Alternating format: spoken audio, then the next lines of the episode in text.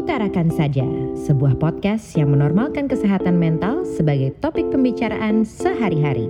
Dipersembahkan oleh Ubah Stigma. Gue akan memulai podcast ini dengan satu pertanyaan untuk kita semua sebenarnya, nggak cuman untuk para pendengar tapi untuk gue juga pribadi. Dan mungkin kalau dari guest speaker kita ini mau menjawab juga silahkan. Tapi pernah nggak sih kalian selalu berada di tempat di mana kalian selalu berpikir bahwa kita itu selalu kurang, kurang tinggi, kurang putih, kurang mancung, bulu mata kurang panjang, apa pun itu, atau selalu terlalu, terlalu gemuk, terlalu tinggi, terlalu pendek, terlalu apa pun itu. Pernah nggak sih kalian berada di situasi di mana kalian melihat diri kalian itu sebagai sosok yang tidak cukup baik karena penampilan kalian. Mungkin bisa ambil beberapa waktu sejenak untuk refleksi, pikirin nih mungkin lebih banyak mengarah ke para wanita pertanyaannya. Tapi kenapa gue menanyakan hal ini? Ada beberapa fakta yang gue temukan ketika gue melakukan research-research kecil bahwa 91% wanita tidak bahagia dengan tubuh mereka dan mencoba beragam diet untuk mencapai body goals atau body image yang mereka impikan. Itu dari amplifyyourvoice.org. Terus ada juga semakin banyak uh, wanita muda yang menonton acara televisi, semakin mereka percaya bahwa penampilan itu paling penting dari encompass.edu, which point yang sangat-sangat relatable karena gue pribadi baru aja menyelesaikan sebuah series di Netflix judulnya Ginny and Georgia dan itu nontonin mereka aja cantik-cantik gitu bikin insecure banget dan gue yakin banyak dari kalian juga merasakan hal yang sama. Terus ada juga dari National Association of Anorexia Nervosa and Associated Disorders bahwa 95% orang dengan gangguan makan dialami oleh usia 19 sampai 25 tahun dan hanya 10% dari mereka yang mengalami gangguan tersebut mencari bantuan profesional. Kenapa gue point out hal-hal ini? Mungkin nanti kita akan bahas lebih lanjut, tapi selamat welcome kembali comeback diutarakan saja bersama gue Syafira. Hari ini kita akan membahas tentang body image. Jadi kenapa tadi poin-poin yang gue sampaikan itu gue jabarkan ke kalian karena kita lihat ke sini body image atau citra tubuh itu merupakan sebuah isu sosial yang semakin meningkat kepentingannya ya uh, body image ini mungkin buat teman-teman yang belum paham adalah basically cara seseorang memandang tubuh dan berasumsi gimana orang lain memandangnya. Jadi perasaan insecurity tadi yang di awal gue tanyakan itu adalah bagian dari bagaimana kita memandang tubuh kita sendiri. Dan gue sangat excited untuk episode kali ini karena nggak cuman karena si body image ini yang begitu dekat dengan kehidupan gue sehari-hari tapi juga Hari ini gue nggak recording sendiri. Hari ini gue ditemani tamu pembicara spesial yang gue tidak akan berlama-lama lagi dan langsung kita kenalin aja. Please welcome Kath Halim. Hai Kath. Hello. How are you? I'm good, I'm good. Sangat baik, sangat sibuk di Senin mendung yang ngantuk ini. How are you doing? I'm great, thank you for asking. Oke, okay, so mungkin sebelum kita lanjut, Kat mau perkenalkan diri dulu ke teman-teman? Boleh banget. Halo semuanya, namaku Kat, Kat Halim. Jadi aku seorang entrepreneur, aku punya coffee retail business namanya Kisahku dengan teman-teman saya, sahabat saya. Terus selain menjadi entrepreneur, saya juga lumayan big advocate, apalagi untuk kesehatan mental buat perempuan, apalagi tentang mental issue yang dihadapi oleh banyak perempuan yang di luar sana gitu. Oke, okay, thank you so much for being here udah nyempetin waktunya di hari Senin yang sibuk ini. Tadi balik ke poin awal Kath, aku sempat mm -hmm. mention ke teman-teman terkait uh, body image itu uh, gimana kita memandang apalagi di cewek-cewek nih cukup apa ya topik yang sangat-sangat sensitif kali ya bisa dibilang kita semua kayak punya beauty standard masing-masing gimana kita through social media kita hmm. bisa lihat dari kita di Indonesia bisa lihat apa yang Kendall Jenner lakukan di Amerika dan di dunia what's going on gitu and we see gimana tubuh ini semakin lama tuh topik yang apa ya distigmakan gitu di masyarakat gimana sih stigma tentang tubuh ini sendiri di masyarakat menurut Kath? Wow, pertanyaan yang bagus banget sebenarnya. Stigma yang kita punya ya sebagai masyarakat, ini kalau kita lihat dari seluruh dunia, gue bisa bilang uh, di dunia ini kita itu cenderung fat phobic. Mm. Fat phobic artinya kita takut dengan orang yang gendut, gemuk, yang menurut kita tuh nggak sesuai dengan body image yang didefinisikan lah oleh masyarakat gitu. Jadi kalau misalnya kita ngebahas apa sih stigma yang bener-bener stand out ya, menurut gue tuh satu fat phobia, terus kedua itu adalah pandangan kita terhadap kesehatan.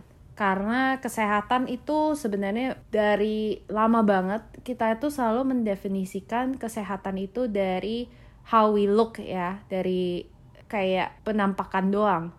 Dan selain itu nggak ada loh yang orang pernah sebut tuh kalau misalnya orang ini nggak kurus nih. Dia itu sebenarnya sehat.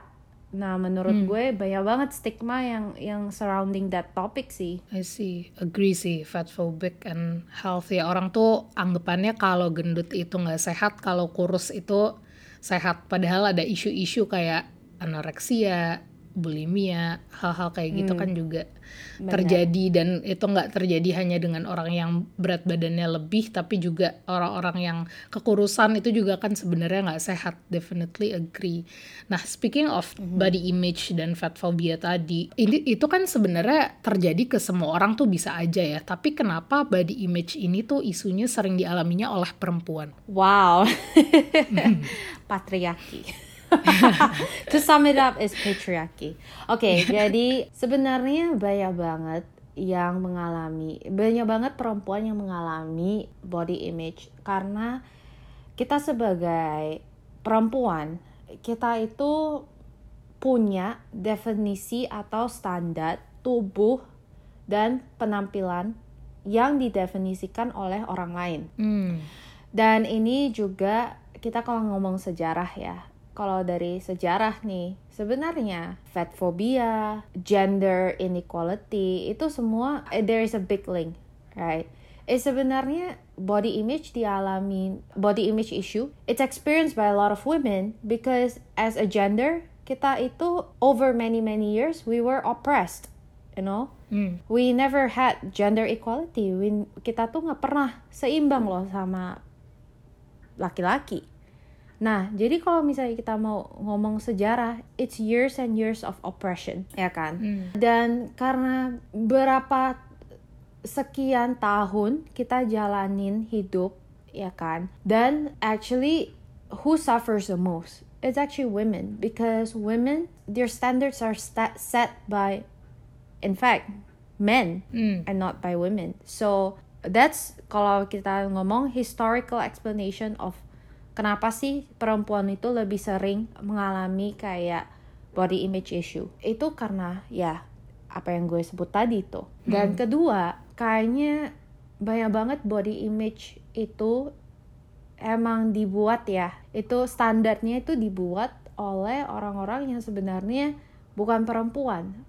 Right so I think it's very problematic. We can't really pinpoint right we can't really pinpoint but kalau misalnya gue itu bener belajar dan baca dari scientific journal scientific research it's actually one oppression maupun itu gender oppression maupun itu racial oppression.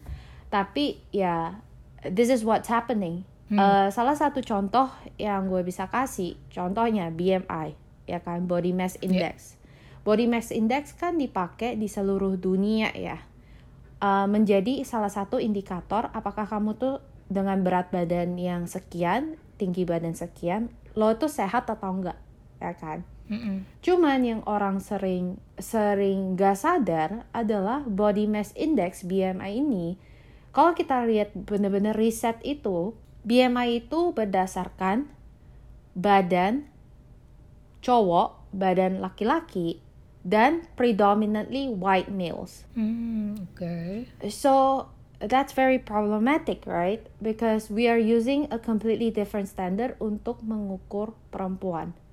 Nah, jadi sebenarnya banyak banget ya faktor yang benar-benar menunjuk kenapa sih perempuan itu lebih banyak di dikritisize, dibawa media right? It's I think it's really just gender oppression. Hmm. Sorry, tiba-tiba berat. Yeah. But I agree though, kayak even kayak beauty standards, walaupun sebenarnya bisa dibilang kayak laki-laki tuh punya beauty standardsnya sendiri, cuman yang sering disorot media, yang diomongin di mana-mana tuh justru perempuan. Dan tadi aku juga baru tahu BMI itu ternyata pakai standarnya white male bahkan nggak pakai ada nggak ada example di sisi female-nya. No wonder makanya orang kayak suka bilang kayak wanita lebih susah kurus metabolisme laki-laki lebih baik. Mungkin scientific explanation-nya ada tapi dari situ aja kayak balik lagi oppression tadi ke wanita bahwa Yeah. udah ada standar-standar yang kita sebagai wanita harus penuhi. Totally Benar. agree with that. And yes balik ke gender sih sebenarnya kalau ditarik mundur lagi Benar. Tapi- benar. mungkin aku bisa tambahin kali ya. ya ya Jadi ya, sure. salah satu isu yang lumayan hot ya di saat Hmm. ini tuh tentang Victoria's Secret. Victoria's Mm-hmm. Secret models, the angels, right? ya ya Belakang ini kan mereka lagi transformasi brand mereka untuk reflect what is a true or real women representation kan. Nah, itu gue kemarin sempat baca tuh, kenapa sih mereka tuh how come it took them so long untuk merubah standar-standar perempuan yang sebenarnya konsumen mereka tuh perempuan kan. Mm-mm. Terus salah satu alasannya, salah satu alasan, salah satu excuse-nya adalah because men are the people who decided, right? Who should be on stage or who should represent the brand. oke So it wasn't like a brand that was made for women by women gitu. It was actually a brand made by males for males. So and kalau kita pikir ya, apa sih impact, apa sih social impact Victoria's Secret models onto like society? The impact is massive. Right? Gue inget banget growing up, gue selalu mikir, oh my god, itu adalah badan yang ideal. Kalau mau cantik, lo harus punya badan yang kayak gitu. Hmm. And that sets a very unrealistic expectation for women across generations. So when we talk about sebenarnya why did we even have that kind of body image problems? Well, we have to ask ourselves who made the rules. And most often kita akan kaget kalau kita bener-bener lihat ya. Mhm. kayak ini ya kayak di sekolah gitu kayak kita women as students teachersnya ya men gitu misalnya ya. Kayak mereka yang set the rules you have to follow this follow that. Padahal kita sendiri juga kayak nggak tahu itu impact ke knowledge kita ke cara belajar kita seperti apa gitu misalnya. Not not to blame schools but like there's a system behind it gitu kan kita nggak tahu kemampuan belajar kita kayak gimana semua yang ngedrive itu dari guru-guru same thing di sini mungkin karena zaman dulu laki-laki yang kerja kali ya mereka yang punya uang Power. mereka yang punya Yes. power kali ya Bener. Kalau kita as that, ngomong ya. tentang sejarah, perempuan di zaman dulu mana boleh sekolah. Bener gak? Mhm. So, who had the knowledge and who had the information? Who had that became the power decision, like the, the decision, Yeah. decision makers, right? And that itself is very problematic. Hmm. yeah agree Maaf ya tiba-tiba kayak gelap gitu, Nggak apa-apa, apa-apa. dark. It's okay. We need to know this and bring this up juga karena sebenarnya kan orang masih banyak sekali yang yang sangat-sangat apa ya terpengaruh gitu dengan beauty standards yang ada, body image standards yang ada, harus begini, harus begitu gitu. And speaking Ya. of body positivity itu juga mungkin it's a good thing yang banyak sekali orang yang udah speak up tentang body positivity, tapi ada juga aspek di mana si body positivity ini tuh jadi alasan untuk kita kayak ya udah let me eat whatever I want, let me consume whatever I want gitu, cause jadi kayak glorifying body positivity in that Right. way gitu. Right. Dan akhirnya malah muncul kayak masalah-masalah yang berkaitan dengan kesehatan gitu kayak I don't know mungkin karena dengan consumption excessive sugars you would be apa ya lebih gede risk ya untuk terekspos ke diabetes dan lain-lain gitu. What do you think about that glorifying body positivity? Right. So what I think about glorifying body positivity, sebenarnya ini it's very tricky, right? It's really very tricky. Cause aku dari pengalaman sendiri pernah kan aku lumayan encourage kan my followers or the people around me untuk adopt no yo-yo diet and then giving yourself permission untuk makan and giving yourself permission to gain weight basically. Nah, gue ngerti banget ada juga followers yang pernah nanyain gue like are you promoting obesity? Like why are you promoting obesity? Kenapa sih lo kayak pro banget orang tuh gendut? Sebenarnya enggak. Like my stand is to be able to accept who you are for what you are, right? Not necessarily gue encourage obesity karena gue tahu banget there is a risk to everything. Ya kan? anything in excess, right? Itu juga nggak bagus. Semua di dunia ini kan balance ya. Maupun itu kayak energi yin yang, itu kan juga semua balance ya. Gue percaya energi sih. Mm -mm. Jadi gue percaya bahwa semua hal itu perlu ada balance. Jadi ya sebenarnya kalau kita bilang ya di dunia ini lebih banyak orang meninggal karena obesitas ya kan from overeating daripada like under eating sebenarnya. Mm -mm. Mm -mm. Research has suggest, but a lot of the research is also flawed. Not most people tuh bukan meninggal karena obesitas. Sebenarnya orang meninggal mungkin karena mereka itu lagi mereka tuh obese and they got into a car accident. Right. So balik lagi. One thing yang gue lumayan quite careful to tread on is actually the topic on fat phobia. Karena jujur, kita itu sebagai society, kita itu sangat bias terhadap orang-orang yang punya tubuh yang besar. Contohnya yeah. nih, kalau misalnya kita lihat nih satu orang, kita lihat dua orang lah, satu yang kurus, satu yang gendut, ya kan? Mm. Dua-duanya lagi makan porsi yang sama, mm ya kan? Nah, kalau misalnya orang yang kurus minta porsi tambah, ya kan? Porsi kedua. Mm Hmm. Dan orang yang gendut juga minta hal yang sama. Cenderung orang akan ngejudge orang yang tubuhnya lebih besar tanpa yeah. mengerti konteksnya apa. Hmm. Mungkin orang yang punya tubuh yang besar ini mungkin udah tiga hari belum makan, hmm. ya kan? Jadi it's all very contextual. Orang yang kurus ini mungkin setelah dua porsi dia muntahin mungkin atau setelah dia makan dua porsi satu minggu dia nggak makan, right? So makanya glorifying body positivity, I think it's not that. It's really not that. It's about achieving balance and re-educating people. Karena fundamentally, the issue is not body positivity. The issue is actually fat phobia. Hmm. We as a society are scared and terrified of fat people. Yep. And we actually discriminate against them. Mm-hmm. Ya kan? Mm-mm. Jadi ya pandangan gue terhadap itu body positivity mau apapun itu harus balance. Tapi hmm. yang gue punya challenges actually to challenge other people's bias is against fatness gitu. Hmm. Ya sebenarnya balik lagi ke konteksnya ya. Kadang kan Konteks. emang kita anggapnya tuh literal gitu kayak ya berarti makan apa aja tuh body positivity padahal tuh enggak kayak kalau makan makan apa aja ya lama-lama kan juga balik lagi ke tadi sesuatu yang berlebihan itu kan juga nggak baik kan sebenarnya gitu jadi ya yeah. diukur-ukur lagi to an yeah. extent lah. You can eat whatever you want to an extent gitu.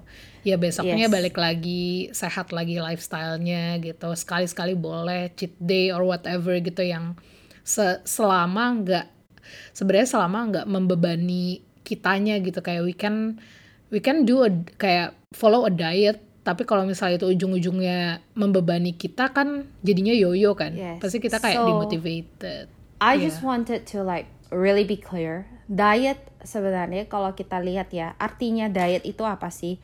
Diet itu literally just means cara orang itu makan. Right? The dictionary definition of diet, it's literally like the kind of food that a person, animal or community eats on a regular basis. Jadi kita bahkan kita punya persepsi ya diet itu pasti related to weight loss.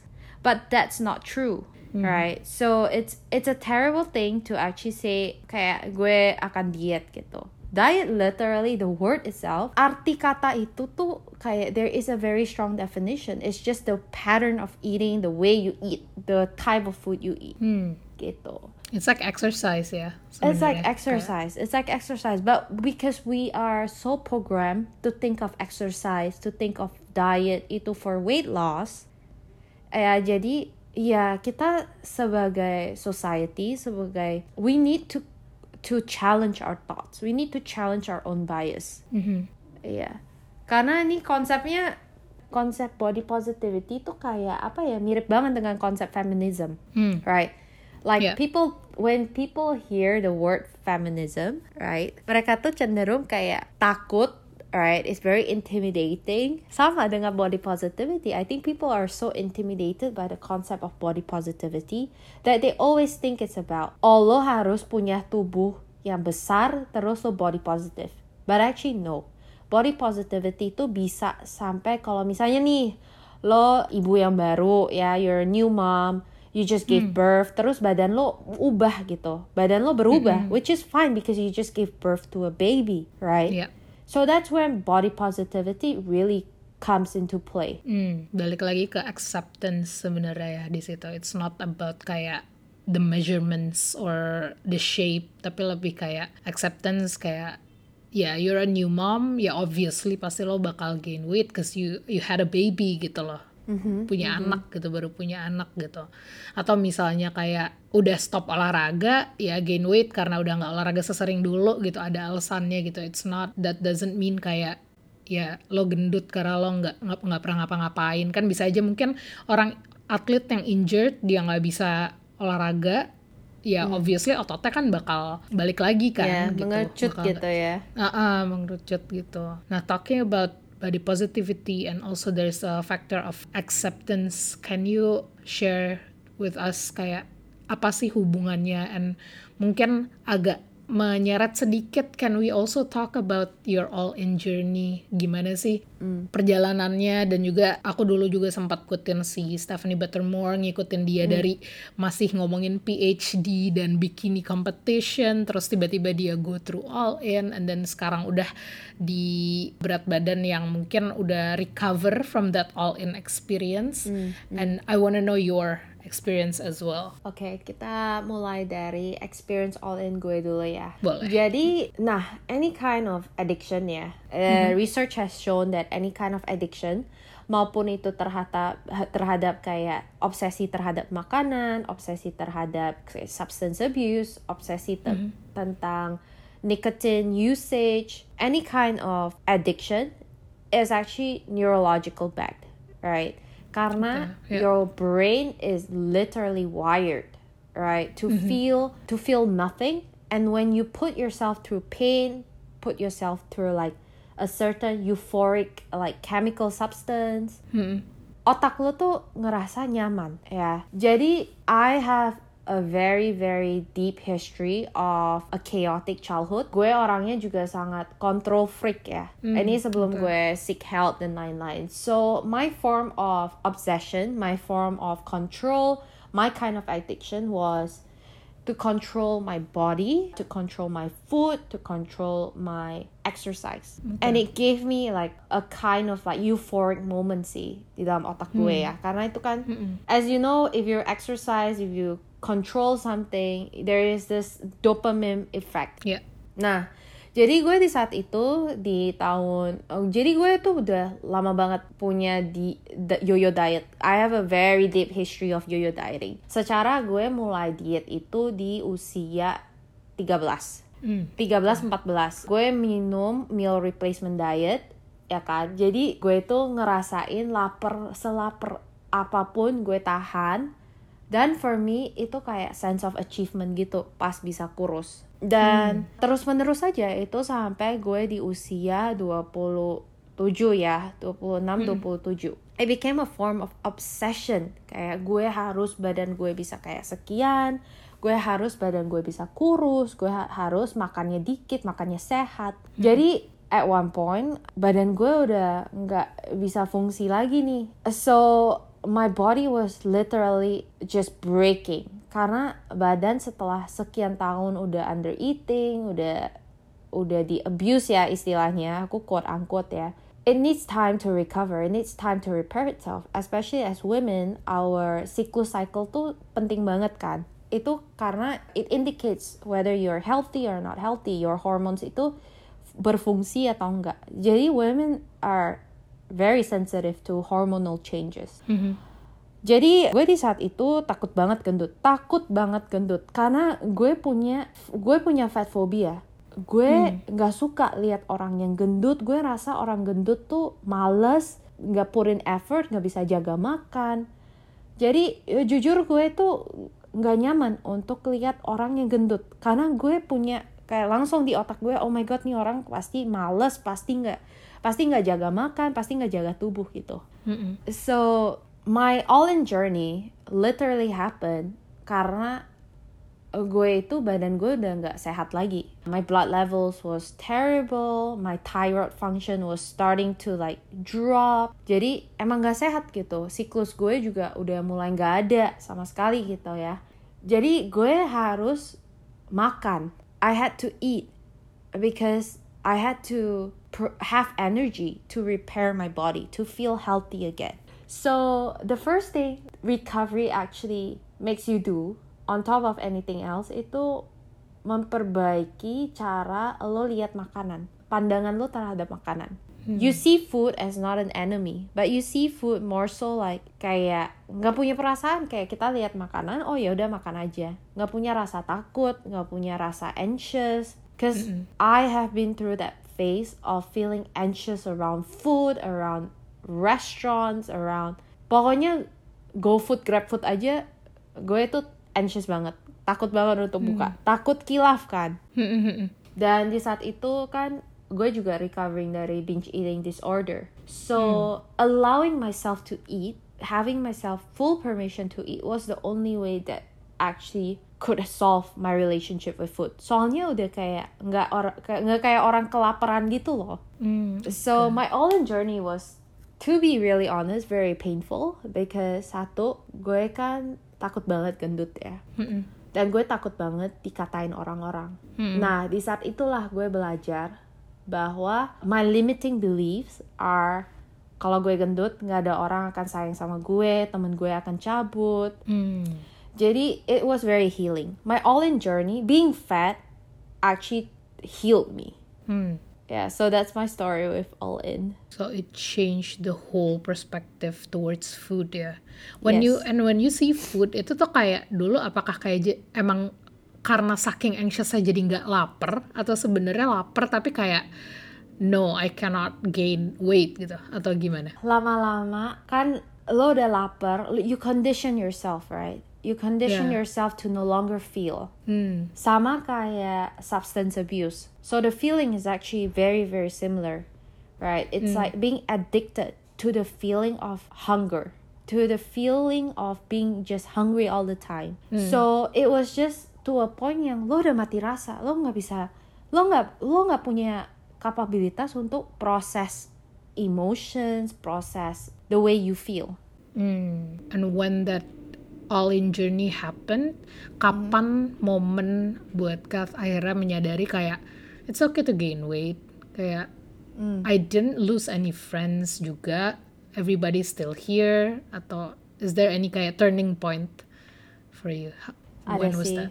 Ada sih. Turning point gue itu I lost one of my friend Hmm. uh, to an accident. Like it was a freak accident. He was very young. Uh, he was a very close friend of our family. Hmm. Uh, itu turning point gue sih. Karena selama itu up until that point gue nggak masih be- belum bisa accept tubuh gue nih.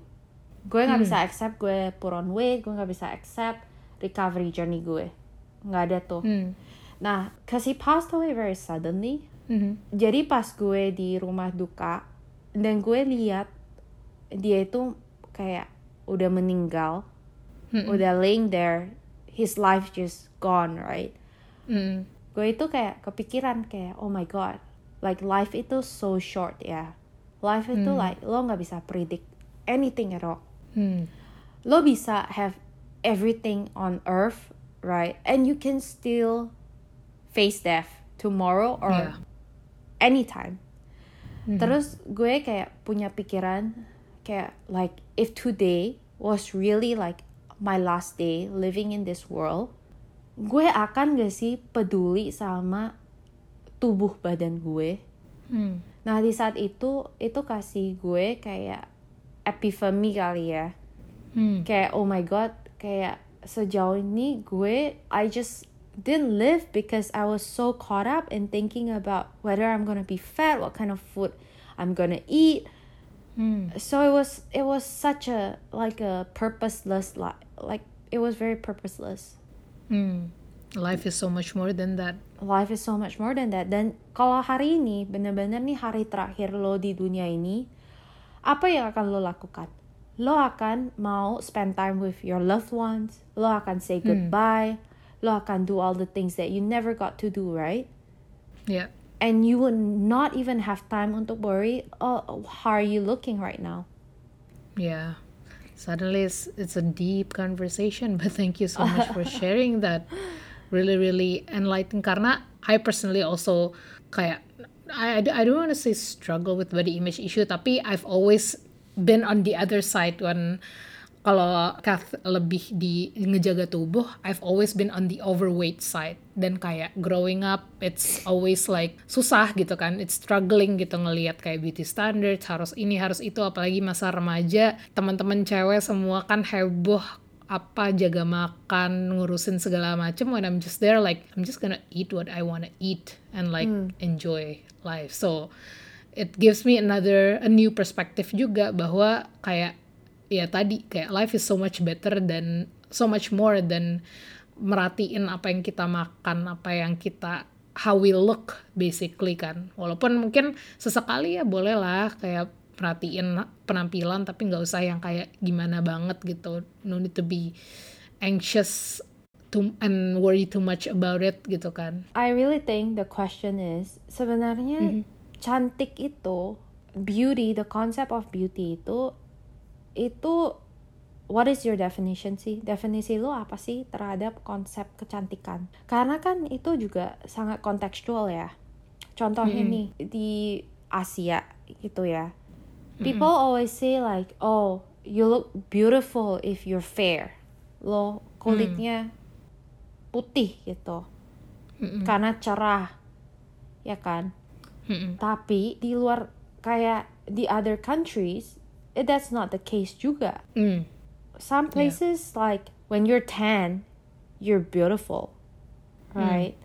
So i really think it's it's more so kita tuh harus bisa accept that kecantikan definisi kecantikan itu berbeda beda-beda untuk semua orang. Hmm. because what I think is beautiful itu mungkin di mata lo tuh lo nggak rasa itu cantik right tapi Yeah. nggak ada salahnya gitu. Mm-mm. there's no wrong in having a different kind of beauty standards. Balik lagi ke preference, balik lagi ke perspektif sebenarnya ya. Nggak ada yang ngeset satu harus itu definisinya gitu. Balik lagi kontekstual nggak bisa dianggap literal juga. Ya definitely agree. Dan speaking of perception balik lagi ke persepsi laki-laki tadi yang dominates the beauty standards itself sebenarnya. Apakah bisa dibilang kayak gimana sih persepsi laki-laki tentang body image-nya wanita itu bisa mempengaruhi sulitnya movement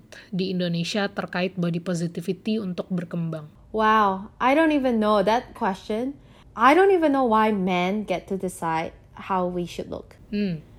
I think that itu menurut gue itu lumayan problematik ya karena kalau misalnya kita nanya ke orang lain untuk set the standards for us women Mhm. I think it's kind of like nggak seimbang kali ya Hmm. I'll use that word nggak seimbang Yeah. karena secara mereka nggak punya tubuh kita Hmm. dan mereka juga nggak ngerti dengan tubuh kita so the person yang gets to make the decision about apa sih beauty standard yang di accept itu seharusnya Hmm. perempuan sih I think men should just appreciate whatever we give them. I think it's it's more fair that way. Yeah. gitu. Cuman kita bisa lihat kayak gimana mungkin ini bakal menyinggung sedikit ke masalah kayaknya nggak belum lama tuh waktu itu sempat ada isu yang terkait sexual harassment. Gimana sebenarnya salah siapa perempuan yang pakai bajunya kebuka atau laki-lakinya? Banyak yang menyudutkan laki-lakinya tapi hmm. para laki-laki ini justru malah team up dan blaming on the women gitu. Jadi do you think emang karena laki-laki lebih bisa dibilang masih lebih dominan ya apalagi di Indonesia apakah karena itu juga jadi bikin kita nih yang mau raise awareness about body positivity itu jadi sulit di Indonesia sendiri? As a culture, Indonesian culture, yes, men still dominates a lot of industries kan. Which is why mm. power is also consolidated in the hands of most men. Makanya I think sekarang ini kalau misalnya perempuan say something, right? Dengerin mm. dulu gitu. Menurut gue mm. ya, kayak why would somebody risk everything to tell you something that you can do better ya kan hmm. kadang yeah. kadang iya emang kita sejarah kita emang we have a very patriarchal society like societal structure cuman mungkin dulunya itu make sense ya Hmm. Dulunya mungkin make sense kalau misalnya perempuan ke sekolah tinggi gitu, nggak punya knowledge untuk masuk ke dalam uh, economy, for example. Yes, mm -hmm. maybe it made sense that a lot of power are are consolidated with amongst men. Tapi di generasi ini, if we still don't wanna listen, we're gonna have a lot of other problems down the road. See, so for all men out there I hope you you listen, you listen more and not make it about yourself. Because gue hmm. sering banget kayak ngedengerin, oh enggak kok, kan cowok accept accept aja kok cewek kayak begitu. Hmm. No, it's not about that. It's about yes, not all men are like you, but most men are like like that. Jadi yeah. daripada lo tuh kayak ngepush because because that's the concept of that mm. is also very problematic, right? When you say yeah. not all men, berarti you're just making yourself more important, right? Mm. And mm. then eventually it's like, oh, I you you as a woman need me, a man to save you mm. again. So that concept itu udah kuno banget. Then I think it's time that we actually start changing. Hmm, that is powerful message right there. Men, listen. Intinya dengerin. Setuju banget. Itu juga sekaligus pertanyaan terakhir untuk episode kali ini. Sebenarnya it's a really really interesting um, discussion dari awalnya kita bahas tentang body image itself, lanjut ke fat phobic and perspektif di society terhadap tubuh itu sendiri. Kemudian tadi Kath juga share tentang all in journey-nya which is really interesting and I really appreciate that you shared that story with us. Terus juga persepsi laki-laki tentang perkembangan body image di di Indonesia sendiri sulit untuk berkembang karena masih ada perspektif-perspektif kuno itu tadi bahwa hmm. kita tuh butuh diselamatkan sebagai wanita gitu. Dibutuhkan laki-laki yang segelintir laki-laki yang mau mendengarkan padahal yang kita minta adalah to for all men to listen. Hmm. And before we end this episode do you have anything to say untuk wanita-wanita yang mungkin bisa dibilang masih terjebak di standar kecantikan yang ada di Indonesia sendiri? Yang paling praktis ya untuk semua out there yang masih struggling dengan body image issues atau certain kind of body standard, beauty standard. Sebenarnya kita bisa loh kayak rewire our brain, kita bisa relearn karena otak kita itu kayak incredible banget kayak kita tuh bisa belajar hal yang baru bahkan sampai kita tua. Jadi hmm. yang paling praktis sih kayak I think always learn always increase your own knowledge because itu akan ngebantu kita untuk benar-benar identify our own bias. Karena hmm. kita semua orang punya bias gitu. Nggak ada orang yang nggak punya bias. Everybody has bias. But it's just identifying your bias and realizing that itu membantu banget sih. It really hmm. really helps. So hopefully you can find help, the help that you need. Karena setiap orang punya journey yang berbeda. Nice, well said. Tadi unlearning the stigma sebenarnya intinya, unlearning the biases dan tingkatin pengetahuan kita justru tentang body image jangan jangan terpaku dengan satu definisi, explore and accept yourself, love yourself. And yeah, well said. Thank you so much Kat untuk waktunya udah mau ngobrol-ngobrol hari ini. Thank Um, you. Semoga ke depannya kita bisa ada kolaborasi bareng. um, Boleh banget. Saja maupun ubah stigma. Dan untuk teman-teman yang mendengarkan, thank you so much for listening and I'll see you in the next episode. Bye. Thank you. Bye.